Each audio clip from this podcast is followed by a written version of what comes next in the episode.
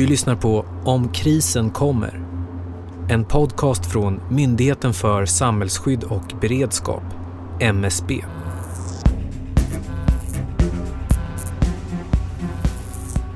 Avsnitt 7. Psykologiskt försvar. Kapitel 1. Troll och propaganda. Är du rädd för att du och resten av Sverige ska utsättas för påverkan på nätet? Alltså att några eller någon vinklar nyheter och händelser så att vi ska ändra sättet vi tänker och tycker. Myndigheten för samhällsskydd och beredskap, eller MSB, de undersöker varje år vad Sveriges 18-åringar är oroliga för. Och i år, för första gången, har man också frågat unga om propaganda. Om man är bra på genomskådare, om Sverige som land är det och om man faktiskt tror att andra länder medvetet försöker påverka våra åsikter och värderingar. Men undersökningen kommer vi till lite senare. Den här podden är indelad i tre kapitel. I det första ska vi ta reda på mer om hur organiserad påverkan på nätet kan se ut. Propaganda är ju eh, förtäckta eller inte förtäckta budskap i syfte att påverka utanför det demokratiska samtalet. Lars Wildräng är författare och skriver bland annat om försvars och säkerhetsfrågor på den egna bloggen Cornucopia. Det är, det är skillnad mellan propaganda och exempelvis reklam eller, eller politisk information. Utan propagandan är ju överdriven och, och förljugen till en viss del. Och det är inte helt lätt att se vad som är vad, säger Lars. Ofta tar man sin start i någonting som är sant. Så att folk eh, accepterar, ja men det här stämmer ju. Och sen så till, lägger man till lögner och överdrifter i syfte att driva sin agenda och påverka opinionen. Så att genom att blanda lögn och sanning så, så kan man då få en upplevd trovärdighet. Förr, före internet, så hade makthavare bara de officiella medierna att få ut sina budskap i. Men med internet så kan man ju helt plötsligt få mycket bättre användning av de nyttiga idioterna. Man kan få folk att sprida propagandan åt dig. Att få folk eh, inte bara nyttiga idioter utan helt ovetande människor som, som inte har en aning om vad de håller på med egentligen. Utan, utan av, av ren okunskap råkar sprida propaganda i sociala medier. Facebook, Twitter, Instagram, whatever liksom. De som är bäst på, ja, vad ska vi kalla det, modern propaganda eller påverkanskampanjer, det är Ryssland, säger Lars. Dels har man ju då ett antal webbsajter och tv-kanaler på utländska språk. Sputnik och Russia Today, eh, statskontrollerade saker. Sen har man även seriösare, inom citationstecken, nyhetsbyråer som TASS till exempel. Eh, och de här seriösare källorna de plockas ju upp av eh, svensk media. Det finns goda exempel, Aftonbladet, TV4 till exempel. Som återpublicerar de här grejerna som om de vore korrekta och då ger de helt plötsligt en väldigt stor legitimitet till det här. Och då får man ju även en spridning. Okej, okay. så det verkar alltså handla om att ett, göra folk osäkra på vad som är sant och inte. Och två, att se till att folk jobbar åt den. Medvetet eller inte. Men hur funkar det då? Vi kan ta Ukraina exempelvis här då, där eh, efter man avsatte den här tidigare eh, ukrainske ukrainska presidenten så läcktes det ju ut, eller i samband med det här, jag vet inte om det var exakt efter då, en, en avlyssning som eh, ryska säkerhetstjänsten hade gjort av en amerikansk diplomat. Och det, avlyssningen i sig var antagligen korrekt, men den togs ju helt och hållet ur sitt sammanhang.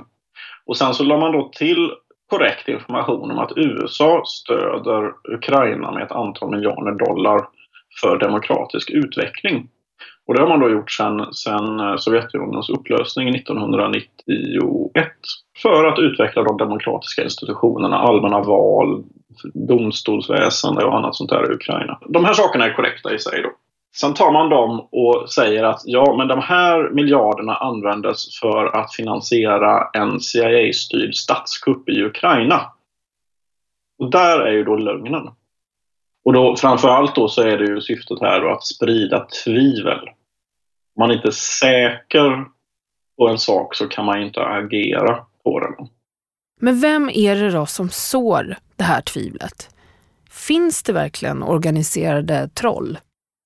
Jo, absolut. Organiserade troll existerar. Det finns ju då ett, ett uh, antal trollfabriker som man kallar dem i Ryssland där man alltså har avlönade personer, ofta ungdomar, som sitter och ska sprida då lögner Eh, på internet via, man ska underhålla kanske ett 20-30-tal profiler på olika sajter som verkar vara seriösa samtidigt som man då sprider eh, desinformation och propaganda den vägen.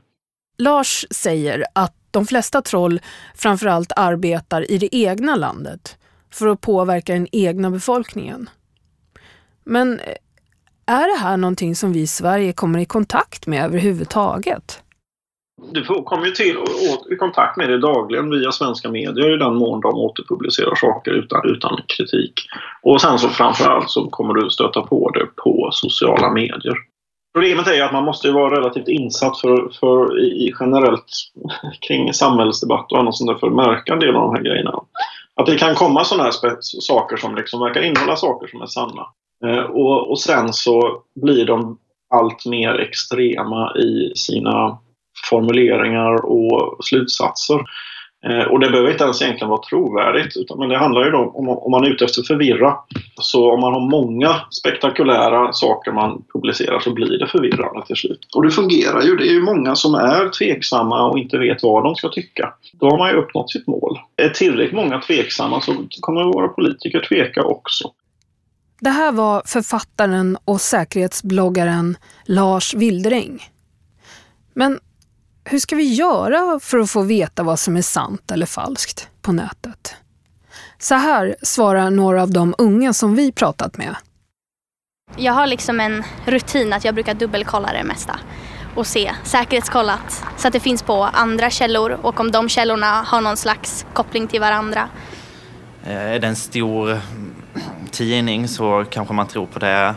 Är det en liten mindre som man aldrig har hört talas om kanske man inte tror på det. Men annars tror jag som många andra ungdomar kanske använder Google eller något så för att kolla om det är sant eller inte. Eh, jag kan inte påstå att jag går någon djupdykning eller sånt utan min första känsla går jag på. Så vem kan man egentligen lita på? Finns det ens något som är sant eller falskt?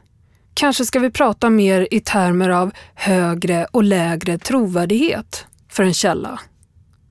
För ju mer vi vet om avsändaren och vad den vill, desto lättare kan vi ju förhålla oss till vad den säger. Och ju fler olika källor som beskriver en händelse på samma sätt, desto mer ökar trovärdigheten för den. Vi ska fortsätta prata om källkritik lite längre fram. Men nu ska vi prata närkontakt med troll. Så mina varningsklockor började ringa. Det här, det här är inga äkta personer. En som har blivit, ja, ska vi säga, uppvaktad av personer med en egen agenda är twittraren Niklas av Ekenstam. Eller jag heter Niklas, men alla känner mig som Nille. Det var på hösten 2015 då Niklas tog över at Sweden. Det vill säga Svenska institutets officiella Twitterkonto. Kontot funkar så här att en person, vem som helst, får ta över at Sweden under en vecka. De enda restriktionerna man har är att man inte får skriva kränkande eller göra reklam. Så jag eh, bytte språk till engelska och twittrade på som vanligt under min at Sweden-vecka. At Sweden har funnits i flera år och har många följare. Nej, det var 80-85 000. Någonting sånt. Och eh, med det så kommer ju liksom en enorm massa mentions och liknande. För när, när folk nämner Sweden, då, då plingar det till i mitt program. Och direkt när Niklas loggade in började mängder av människor höra av sig. I mentions, kommentarer och DMs. Alltså, otroligt mycket kring Julian Assange, Edward Snowden och islam. Och det var väldigt många också som hörde av sig med, med länkar till liksom suspekta nyhetskällor. Och så här, har, har, du sett det här? Det här måste du skriva om. Och, eh, även eh, liksom, kända svenska troll eh, var ju på mig och ville att jag i egenskap av Sweden skulle liksom belysa olika frågor som för dem var jätteviktiga. Som för mig var, skit jag är bara här för att tramsa och, och, och ha kul. Liksom. Ofta var det samma mönster som upprepades. Om och om och om igen. Alltså vad jag än skrev så fylldes det på i kommentarerna under med ovidkommande liksom, information och eh, åsikter och propaganda. Och, de följer en mall och det märker man för när jag har sett andra som, som har pratat med dem så, så liksom, de, det är inte en dialog utan de liksom bara går till nästa sida av mallen, ungefär som en telefonsäljare. Så, så på något sätt så tror jag att de jobbar efter manuskript. När Niklas väl gick in på kontona så blev han rätt tveksam till om det verkligen var vanliga människor bakom dem. Det kändes som mina varningsklockor började ringa. Det här, det här är inga äkta personer. Allt de skriver är liksom som en lång rant om vilket ämne det nu var de brann för. Det fanns liksom ingenting eh, personligt, påtagligt skrivet på de här kontona, utan det var bara en lång dräpa av åsikter. Efter sin vecka som at Sweden har Nille följt kontot. Jag har sett att samma konton som var på mig Eh, om att eh, liksom, eh, försöka fånga min uppmärksamhet i de här frågorna är på hela tiden de nya varje vecka.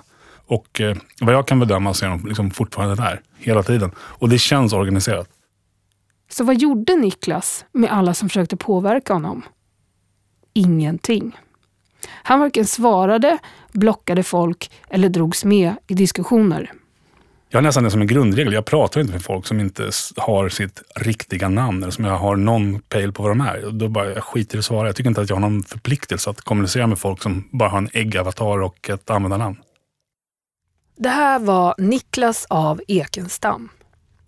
I nästa kapitel så ska vi låta unga människor berätta hur de tänker kring vad som är sant och inte på internet och hur bra de är på att genomskåda det. Du har hört det första kapitlet av tre i ett specialavsnitt av Om krisen kommer. En podcast från Myndigheten för samhällsskydd och beredskap, MSB.